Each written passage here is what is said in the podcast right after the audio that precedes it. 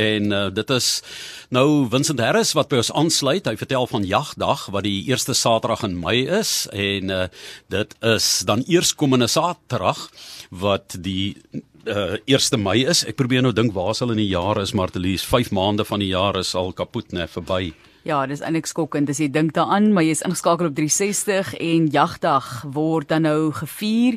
Maar ons kyk ook na die werk wat gedoen word met die jeug. Vincent Harris, verantwoordelik vir jeugontwikkeling dan nou juis by CHASA, dis die Confederation of Hunting Associations of South Africa, wat ons gesels baie welkom Vincent.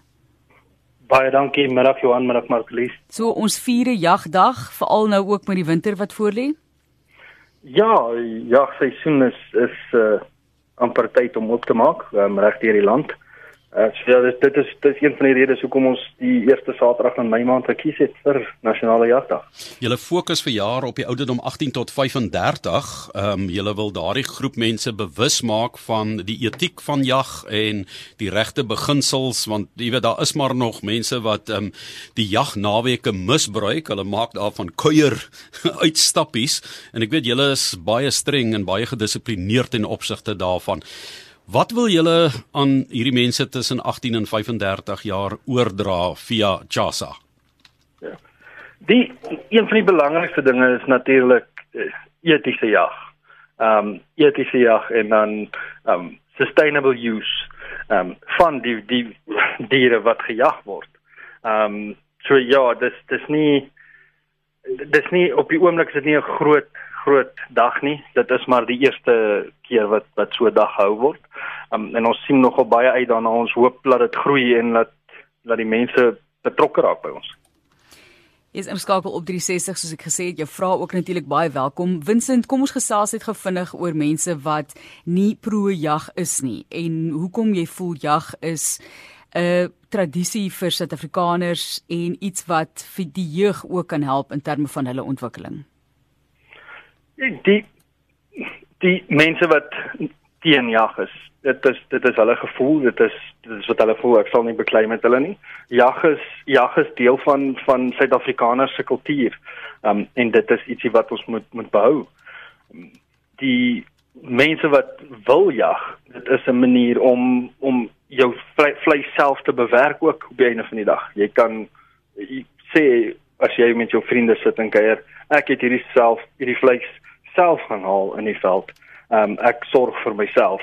Ek gaan nie net winkel toe en gaan koop 'n stuk steak of wat ook al. Ja.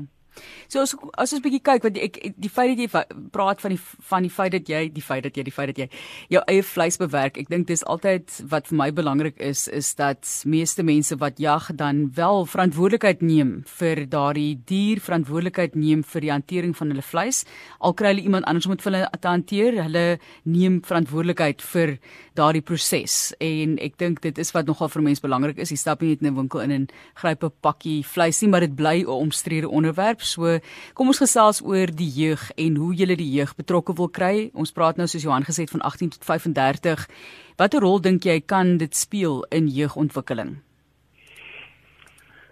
Jag oor die algemeen is 'n is 'n baie dissipline gedissiplineerde sport of aktiwiteit as jy dit so kan sê.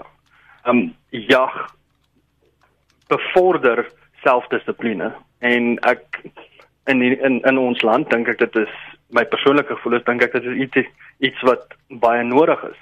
Ehm um, mense moet self hulle moet hulle self dissiplineer. Ehm um, dit dit speel en dan ook die rol dat dat hy kom ons sê uh, iemand van 18, hy kan oor 5 of 6 jaar as hy nou begin deel raak van die jagbedryf, kan hy sê ehm um, hy conserve die diere vir volgende generasie.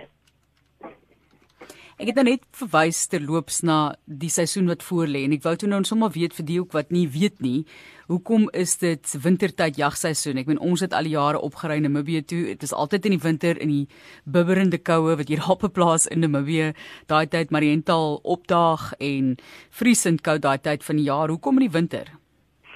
Ja. Daar is baie spekulasie oor hoekom jagtyd in die winter is.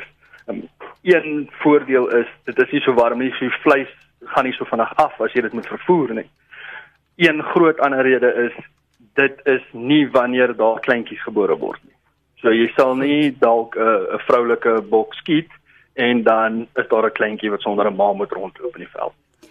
Wat ek ook veel wil vra net is in terme van jag deesdae, jy weet dit is 'n is 'n sport wat nog 'n paar rand ook kan kos en baie keer moet jy ver ry.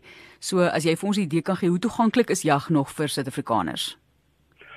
Jag is redelik toeganklik vir Suid-Afrikaners. Ek gaan eerlik wees dit, dit vat dit veg navorsing.